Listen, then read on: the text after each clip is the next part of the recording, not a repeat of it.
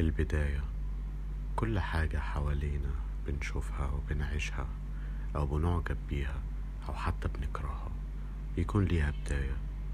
كل بداية بيكون ليها قصة. وكل قصة بيكون ليها تفاصيلها وحكاياتها ودروسها والحاجات اللي نبعد عنها والحاجات اللي نتعلم منها. أنا هركز على قصة حياتي وأتمنى إن كلنا نتعلم من بعض. وإن أنا كمان أتعلم حاجة وأضيف ليكم قيمة لحياتكم. أنا حازم الفخراني وأتمنى لكم استماع ممتع. بودكاست ده برعاية Anchor. Anchor آه، فيه option ظريف إنك آه، تسجل voice messages وتقول فيها رأيك تماما سواء في موضوع سواء في الحلقة اللي أنت هتسمعها سواء في حاجة حابب تقترح بيها عليا ومن حقك تقول أي حاجة. وساعتها نشوف الحلقات الجاية لو لقينا حاجة ظريفة نتكلم فيها. Please download the free Anchor app or go to Anchor FM to get started. يلا بينا نخش في الحلقة.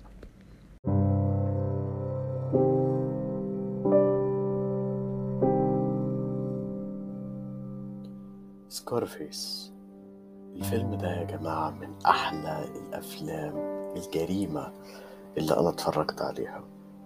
الفيلم ده كان قديم آه، اتعمل 1983 ولكن آه، واقعية ضرب النار والقصة والعصابات وال...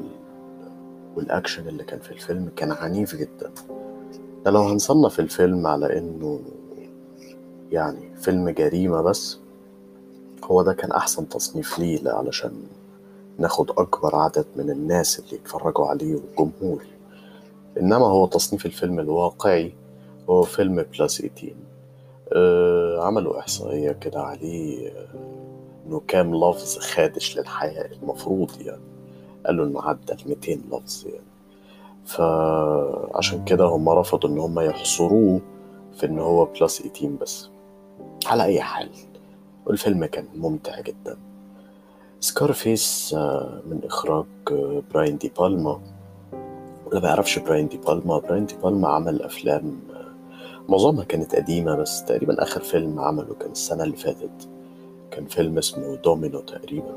أنا ما اتفرجتش عليه بصراحة. أه بس عمل حاجات مشهورة كتير. عمل أول Mission Impossible اللي هو بتاع 96 سنة 96 وعمل برضه Mission to Mars وعمل فيلمين لدينيرو. آه عمل The Wedding Party و Hi, Mom تقريبا. Hi, Mom كان فيلم تعبان بس بصراحة أنا أنا بعشق دينيرو فأي فيلم فيه ظهور لدينيرو أنا أنا بعشقه. الراجل ده يا جماعة ملوش حل. المهم نرجع ل Scarface. آه Scarface كان من تأليف أوليفر ستون وبصراحة المؤلف جميل جدا. آه، تلخيص الفيلم باختصار كده آه، توني مونتانا. توني مونتانا اللي هو آل باتشينو. آل باتشينو كان لاجئ سياسي من كوبا وبيحكي قصته في أمريكا وإزاي وصل لأمريكا آه، وابتدى من الصفر في سين من البداية كده. يعني ترتيب أحداث الفيلم كان جميل جدا مش هتوه لحد ما وصل لأكبر تاجر مخدرات ووصل للتوب يعني وبعدين رحلة سقوطه الدموية الحزينة جدا جدا. ودي كانت شطارة المخرج آه، دي بالما إنه خلاني أتعاطف مع إنسان مجرم آه، في قصة بدايته وأطلع معاه وأتعلق جدا بالشخصية دي. أنا بصراحة اتعلقت بالشخصية عشان كده شابو دي بالما. آه، علشان نعرف فكرة الفيلم أو نحاول نفهم معنى أي حاجة على فكرة مش بس الأفلام ممكن الكتب المسلسلات المسرح أي عمل سينمائي أو حتى أي مؤسسة أو أي حاجة. نحاول نعرف الوقت اللي اتكتبت فيه إيه. وقت كتابة الفيلم ده كانت في تقريبا في الثمانينات في أول الثمانينات وأول الثمانينات دي حصل واقعة معروفة. اللي هي ال boat lift Mariel boat lift آه، دي كانت آه، أكتر من لاجئ من كوبا آه، سموهم الماريليتو آه، سافروا من آه، من. من ساحل ماري... ماريل تقريبا معرفش اسمه إيه آه، أكتر من 120 ألف ماريليتو سافروا من كوبا لحد مينا فلوريدا في أمريكا. آه، الموضوع ده حصل آه، تقريبا في الثمانينات. الثمانينات كان رئيس أمريكا جيمي جيمي كارتر. والقصة دي حصلت إن فيدل كاسترو رئيس آه، كوبا يعني فتح الهجرة الشرعية الغير الشرعية طبعا. للكوبيين وطبعا علشان يحل هو طبعا قصة سياسية جدا علشان يحل أزمة سياسية آه، اقتصادية عنده في كوبا. وطبعا هو فتح الهجرة للناس المجرمين وال يعني الناس اللي عندهم مصايب وكده يعني. سجلهم الإجرامي مليان في كوبا ودول سافروا آه، أمريكا. وده طبعا سبب مشاكل جيمي كارتر في أمريكا جدا مشاكل اقتصادية وسياسية كمان يعني, يعني مجرمين شوية مجرمين رايحين أمريكا يعني. وبعدين الموضوع ده اتحل تقريبا ورسيوا على ال 120 ألف دول أو أكتر من 120 ألف. آه، الناس دول استخدموا آه، حق الأسايلم اللي هو حق اللجوء. عارفين اللجوء السياسي؟ ده كان لجوء سياسي بالظبط.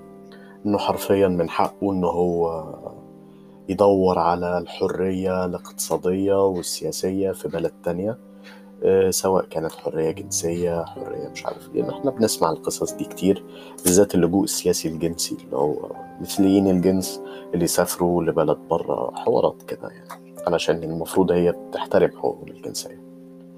فحق الأسايلم ده موجود من زمان جدا يعني من الثمانينات. آه فده الفترة اللي اتكتب فيها الفيلم. آه والفيلم صور آه ال Florida refugee camp المكان اللي كان فيه اللاجئين ال- الكوبيين في فلوريدا. وكان عندك آل باتشينو. أو توني مونتانا. كان صاحبه ماني. آه، وماني ده كان عنده خطة إنه إزاي يخرجوا من المعسكر. بتاع اللاجئين ده. آه، الخطة بتاعته كان اتفاق مع مع فرانك لوبيز اللي هو رئيس عصابة كبير جدا يعني. وفرانك لوبيز كان عايز يقتل واحد في ال camp ده واتفق مع ماني إنه ماني ده هيقتله. وبعد ما يقتله هياخد ال green card ويعني هياخد الجنسية باختصار يعني. وتمن الحكاية دي كلها إن هو يخرج من الكامب وفي نفس الوقت أو السجن باختصار يعني وفي نفس الوقت هيضمن له شغلانة وبتاع. بعد ما قتلوا الشخص ده آه، خرج آه، ماني و أو اللاجئين الكوبيين دول اللي هم قتلوا الشخص وتوني مونتانا خرجوا واشتغلوا شغلانة تعبانة جدا في food truck في مكان كده كان يعني مكان ما يأكلش عيش باختصار. وبعد الخروج الاتنين خصوصا توني مونتانا استغل فكرة الانطباع الأول اللي بيدوم. آه، حرفيا استغل فكرة إن هو بيتعامل مع شخص رصيده معاك صفر وبين لتاجر المخدرات الكبير فرانك لوبيز الانطباع إيه بين له إيه بقى؟ إن هو قد المسؤولية في عملية دموية جدا جدا آه، مع تجار مخدرات كولومبيين. كده ال scene دي كانت في ميامي كانت من أحلى ال scenes ال action اللي أنا شفتها الدموية بصراحة. آه، وكانت آه، حرفيا توني مونتانا ضحى أو مش ضحى هو فقد أعز ناس عنده يعني واحد من أصحابه وفقدوا قدام عينه. والمشهد ده كان عنيف جدا بصراحة يعني.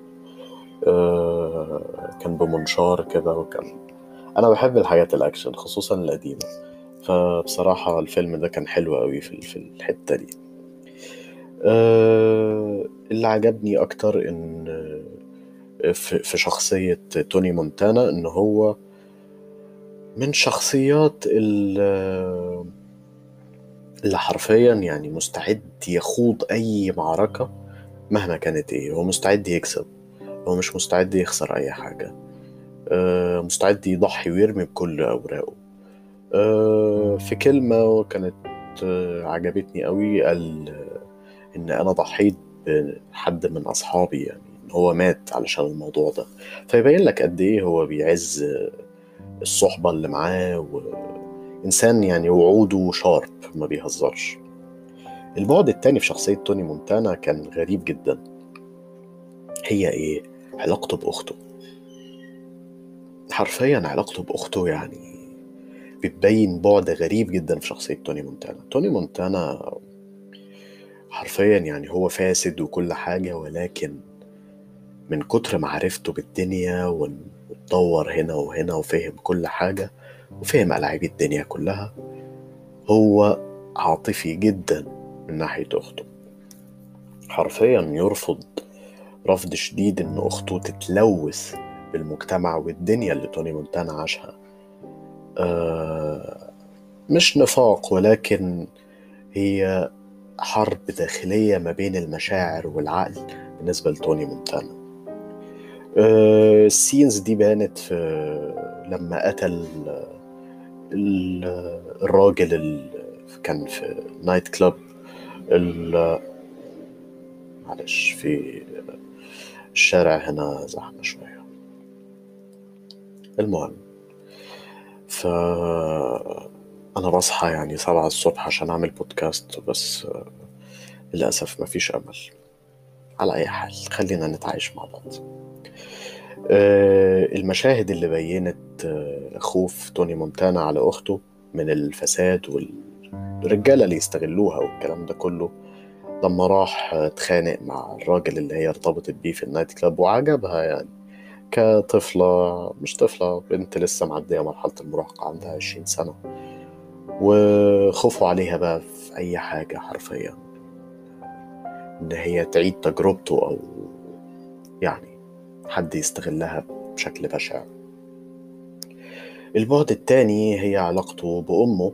أنا بصراحة اتفاجئت إن أمه عايشة لأن آه، في أول الفيلم خالص في الاستجواب أول ما وصل على أمريكا سألوه آه، أنت ليك أي قرايب من أمريكا وبتاع؟ قال لهم لأ كلهم ميتين. وبعد كده اكتشفت إن أمه متبرية منه علشان عارفة شغل توني مونتانا وإن توني مونتانا فاسد وإن ابنها فاسد والكلام ده كله. آه... Scarface قدم واحدة من أوقع الأفلام ال- الإجرامية اللي بتجسد فكرة العصابة ال ال العنيفة جدا والتعامل مع العصابات وسيكولوجية العصابات. كل ده عجبني والفيلم كان مليء بالوحشية بصراحة. آه، اللي عجبني إن الفيلم ده كان على عكس Godfather والتاني اللي هو Goodfellas اللي هم كانوا برضو بيجسدوا العصابات ال Irish وال... وال Italian والناس دول كلهم. Scarface كان مختلف تماما. آه، الغريب بقى إن مخرج دي بالما حط الباتشينو في دور كان ساعتها جديد جدا. الباتشينو كنا إحنا عارفينه في دور آه، المعلم الكبير مايكل كورليوني في Godfather مايكل كورليوني الإنسان الهادي اللي ما بيتكلمش كتير تعابير وشه بتحكي كل حاجة. ده كان عبقري في Godfather بس في Scarface سبحان الله الدور كان لايق عليه جدا. بصراحة أنا ما تخيلتش Scarface من غير الباتشينو خالص. حاولت كده أتخيل مثلا دينيرو ممكن يمثل الدور ده. آه، كان هيبقى شبه شوية Taxi Driver وكده بس لأ خالص. الوحشية دي آه، الباتشينو بياخد عليها عشرة من عشرة. آه، تجسيد مرعب للشخصية العشوائية جدا المضطربة نفسيا والشجاعة جدا وعنيدة جدا إن هي توصل للهدف بتاعها. بصراحة في نقط بسيطة ما عجبتنيش في الفيلم. أه حرفيا تمثيل آه، البنت اللي هو ارتبط بيها اللي هي كانت مرات زعيم العصابة آه، كان تمثيلها وحش قوي كان تمثيلها سطحي جدا. آه، كان في لقطات في المطعم أو النايت كلاب اللي هما كانوا فيه اللقطات دي كانت مكررة جدا. أنا ما استفدتش بيها أي حاجة حسيتها كانت فيلرز عمالة تملى الفيلم وخلاص. أه برضو فكرة اللي هو جايب لك في الأول خالص كده بيحكي لك القصة السياسية عن ال Mariel boatlift. بصراحة مش محتاج تحكي لي عنها خالص. دي كانت واضحة في الفيلم جدا. آه، كانت واضح يعني الموضوع القصة بتاعت ال refugees من كوبا ودايما توني مونتانا يقول لك أنا political refugee أنا لاجئ سياسي. خلاص إحنا أنا عرفت. فمش لازم تعرفني يعني. حسيت إن السين ملهاش أي 30 لازمة. أه فحسيت إن في محادثات كتير كانت مكررة يعني. بس على أي حال دي كانت تفاصيل صغيرة جدا يعني. أه السكريبت بصراحة كان عبقري في الفيلم. أه اللي عجبني قوي بقى النهاية كانت غير متوقعة تماما. النهاية من أجمل النهايات اللي أنا شفتها في حياتي. أنا بصراحة بحب إيه في نص الفيلم كده أقعد أشوف القصة هترسى على إيه. وابتدي أشوف بقى شطارة المخرج هتخلف توقعاتي ولا هتبقى حاجة حلوة؟ بصراحة سكارفيس أخلف توقعاتي جدا جدا. بس معرفش أنا في آخر الفيلم كنت متضايق ما كنتش مبسوط حسيت إن لأ لأ في في حاجة أنا عايز جزء تاني للفيلم. وده زي ما قلت لكم يرجع لأول في الأول خالص أول ما قلت إن أنا تعاطفت جدا مع توني مونتانا. أه سين من المشاهد الجميلة اللي عجبتني هو مشهد توني مونتانا لما ابتدى يبني يعني المؤسسة الإجرامية بتاعته واضطر بقى إن هو يقابل لوبيز اللي هو التاجر اللي هو أساسا السبب إن هو يخرج من ال camp وحرفيا واجهه بعد ما لوبيز كان يعني بعت له بلطجية علشان يتخلصوا منه. فبعد ما هرب من البلطجية دول وراح يقابله face to face كانت من أحلى ال scenes اللي أنا شفتها بصراحة. أه حتى كان بيبين لك بعد الشخصية بتاع أه توني مونتانا. حتى كان توني مونتانا رايح له بعد ما هرب من البلطجية دول وكان متعور طبعا كان ماسك مسدس. حرفيا لوبيس كان مرعوب كان بيترعش كان بيقول له what's the gun for توني؟ فتوني مونتانا قال له it's nothing. How you say it paranoid. فقال له المسدس ده ولا حاجة. دي زي ما بتقولوا كده أنا paranoid أنا عندي جنون ارتياب شك. فحرفيا أنا مش بآمن لأي حد. أه وفعلا ده كان حقيقي في شخصية توني مونتانا. بس توني مونتانا كان عنده سبب إن هو ما يأمنش. علشان لوبيز يعني خانه حرفيا. أه عجبني فكرة تجسيد فكرة إنك تبني كيان إجرامي ضد الكيان الكبير اللي أنت ابتديت معاه من الصفر وإنك تنفصل عنه لحد ما توصل لنفس المستوى. بعدين آه بتتغلب عليه وتاخد مكانه في مشهد عبقري جدا إن فرانك أو فرانك لوبيز اللي هو رئيس العصابة كان بيتذلل لتوني مونتانا. آه كان حرفيا نازل عند رجله وبعدين توني مونتانا قتله. أو يعني ماني صاحبه هو اللي قتله. أه وبعدها قتل الضابط الفاسد. أه وده برضو مشهد إن الحكومة الأمريكية فاسدة. أه بعد كده القصة بتستمر وأحداث القصة بيبقى جميل جدا وتوني مونتانا بيوصل للقمة. القمة في كل حاجة. وهنا كان في حاجتين كده بساط عجبوني قوي وجسدولي فكرة إنك حرفيا أنت وصلت للقمة. آه وصلت بطرق غير شرعية ووصلت بطرق قذرة جدا ولكن أنت وصلت للقمة. آه الجملة المعروفة قوي للفيلم هي the world is yours الجملة دي ظهرت في زي طيارة كده كانت عليها بروجيكتور بعد ما توني مونتانا قتل لوبيز وكان عايز ياخد مرات لوبيز اللي هي إلفيرا. آه هي دي اللي أنا قلت لكم تمثيلها وحش قوي أو يمكن دورها محصورة فيه بالشكل ده ولكن أوكي يعني. أنا تفهمت إن هي شخصية سطحية يعني. ف فعموما إلفيرا كانت حلم توني مونتانا جدا وحرفيا بعد ما قتله هو خد مكانه في كل حاجة خصوصا إنه أخد مراته كمان.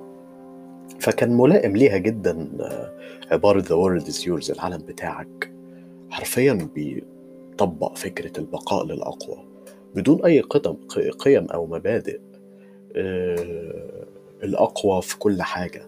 مش مهم أنت وصلت للنجاح إزاي المهم اللي أنت وصلت له. آه الطريق كان قذر بس البقاء للأقوى وأنت خدت كل الصلاحيات. برضو الكرسي بتاع العرش اللي كان في القصر بتاع توني مونتانا كان منقوش عليه كده بمية دهب تقريبا أو حاجة. اللوجو بتاع توني مونتانا. يبين لك قد إيه هو وصل لل top حرفيا ومستعد ولسه جعان وأنا عايز أوصل لأكتر وأكتر. بعدين بقى جنون العظمة. هو أساسا جنون العظمة ده كان عنده من وهو بيستجوبوه وهو لسه لاجئ سياسي لسه واصل أمريكا. جنون العظمة ده بقى بقى ليفل مليون. اتضاعف كتير جدا. وده طبعا أثر على علاقته بمراته لإلفيرا وما خلفش منها و... وهما الاتنين أصلا اتفقوا إن هما يخلفوا لأن هما بيحبوا الأطفال وبتاع. وبعديها توني مونتانا خسر كتير جدا خلال فترة قصيرة. وهنا بقى إيه؟ نوصل للنهاية إنه إيه؟ المشهد كان عنيف جدا وشديد جدا. وبيأكد برضه زي ما قلت لكم على فكرة البقاء للأقوى مهما كنت جبار. دايما مكانك هيتاخد مهما كنت شجاع.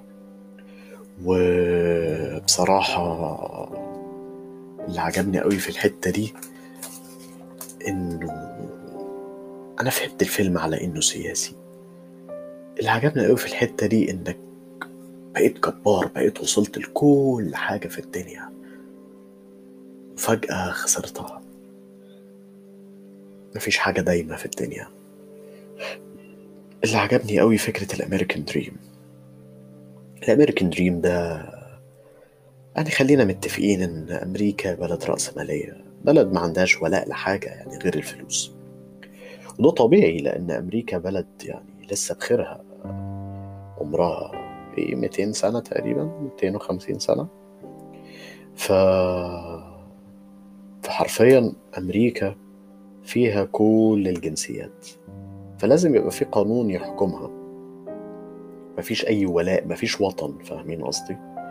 ف... فحرفيا لازم يبقى في قانون يحكمها. وهنا باين لك إن القانون والحكومة كمان فاسدة. والولاء للفلوس بس. ومهما كنت وصلت للتوب في الفلوس في غيرك أقوى منك. ده طبيعي أنت عمرك ما تبقى رقم واحد في العالم. هي مسابقة. ده تجسيد عبقري للدولة الأمريكية. حبيت قوي الموضوع ده في الفيلم. أنا فهمت الفيلم على إنه سياسي إنه بيبين لك الجانب المظلم من أمريكا. أه وبيبين لك إن أمريكا ما عندهاش قيم ومبادئ مفيش حاجة اسمها قيم ومبادئ. النجاح هو المعيار بتاعه واحد هو الفلوس والقوة. أه التجسيد ده كان عبقري لتوني مونتانا بصراحة. عجبني كمان فكرة العلاقة بين الراجل والست في الفيلم ده. أه العلاقة يا جماعة بين الراجل والست والعلاقة بين البني آدمين بشكل عام مش بس راجل وست ممكن يبقى أنت ومراتك أنت وأهلك. أه علاقة خد وهات. مفيش علاقة خد بس أو هات بس. أه العلاقة خد وهات بتبقى في كل حاجة في المشاعر في الفلوس في في المواقف في المشاركة في أي حاجة في الدنيا. ودي حاجة ما بتطلبش دي حاجة كده بتبقى اوتوماتيك بتحصل بين الطرف في العلاقة والطرف التاني. لو العلاقة ما مشيتش بالشكل ده يبقى علاقة غير صحية أبدا. وطرف من الطرفين دول مريض نفسي. وفعلا ده اللي حصل في الفيلم الطرف اللي كان مريض نفسي هو توني مونتانا. أه عجبني قوي الحتة دي في الفيلم وده حرفيا واقعي جدا. الفيلم بصراحة أنا أديله في الأكشن آه، تمانية ونص من عشرة. إنما الفيلم وكقصة وسياسيا الفيلم كان طويل أوي يا جماعة من أصعب الأفلام اللي أنا يعني قعدت أفكر فيها وأحللها وشفته مرتين تلاتة. هو الفيلم حلو بس يجيب اكتئاب. الفيلم حرفيا زعلني جدا في النهاية أنا ما كنتش مبسوط. خصوصا إن أنا ادالي إيحاء إن توني مونتانا هيفجر فيهم ويفجر في العصابة اللي في الآخر اللي جم يحتلوا بيته حرفيا قتل منهم كتير اللي هو عددهم كان كتير جدا وتوني مونتانا كان لوحده. ده برضو تجسيد جميل جدا لفكرة إنك مهما كنت جبار في أي وقت هتقع فيه. كلهم هيبعدوا عنك. فزي ما قلت لكم ده برضو يرجع لتفصيلة إن العلاقة لازم تبقى خد وهات. أي حاجة غير كده تبقى علاقة غير صحيحة بالمرة. أه أنا حبيت الفيلم ده جدا. تمثيل آه، الباتشينو. مش محتاجة أنا أتكلم عن آل باتشينو. آل باتشينو مثل دور عبقري وكان جديد كمان ف من أجمل الأفلام يعني. آه، الفيلم تمانيناتي وموسيقى التمانينات كانت حلوة وضرب النار التمانيناتي كان جميل. لا يا جماعة اتفرجوا عليه. اتفرجوا عليه ده فيلم جميل جدا. أه ولكن اتفرجوا عليه من منظور الأكشن وال ويعني فكرة البقاء للأقوى والكلام ده كله. ما تحاولوش تدققوا في التفاصيل قوي لأن طبعا الفيلم فيه عيوب شوية بسيطة يعني. أه عجبني فكرة ال- إنه يدخل سياسة في الموضوع ولكن أنا أنا تفهمت ليه الفيلم كان عليه ريفيوز مختلفة تماما. في ناس بيقولوا فيلم عبقري ومش عارف إيه وفي ناس بيقولوا إنه فيلم بشع. فأنا دلوقتي فهمت هو ليه كان في اختلاف قوي في الآراء يعني. بس بصراحة شئنا أم أبينا آل باتشينو محدش اختلف عليه تماما. آل باتشينو هو بطل الفيلم طبعا والمؤلف آه، ستون كان جميل جدا. ألف فيلم جميل. أه بصراحة أنا أي فيلم فيه ممثلين عمالقة أو blockbuster أنا بصراحة الأفلام دي بيبقى حاسس إن هي بتخضع بشكل كبير جدا لفكرة ال sales والكلام ده. إنما الفيلم ده كان عكس كده تماما. والغريب إن هو مش مشهور أصلا. الفيلم ده مش معروف أوي. أه، اتفرجوا عليه. اتفرجوا عليه. ده من أحلى الأفلام اللي أنا شفتها كأكشن يعني. إنما لو ما بتحبوش الأكشن والكلام ده لا لا الفيلم دموي جدا. وفي ألفاظ خارجة كتير. بس آه، يستاهل يستاهل إن أنتوا تتفرجوا عليه. آه، استمتعوا بيومكم. الحلقة خلصت.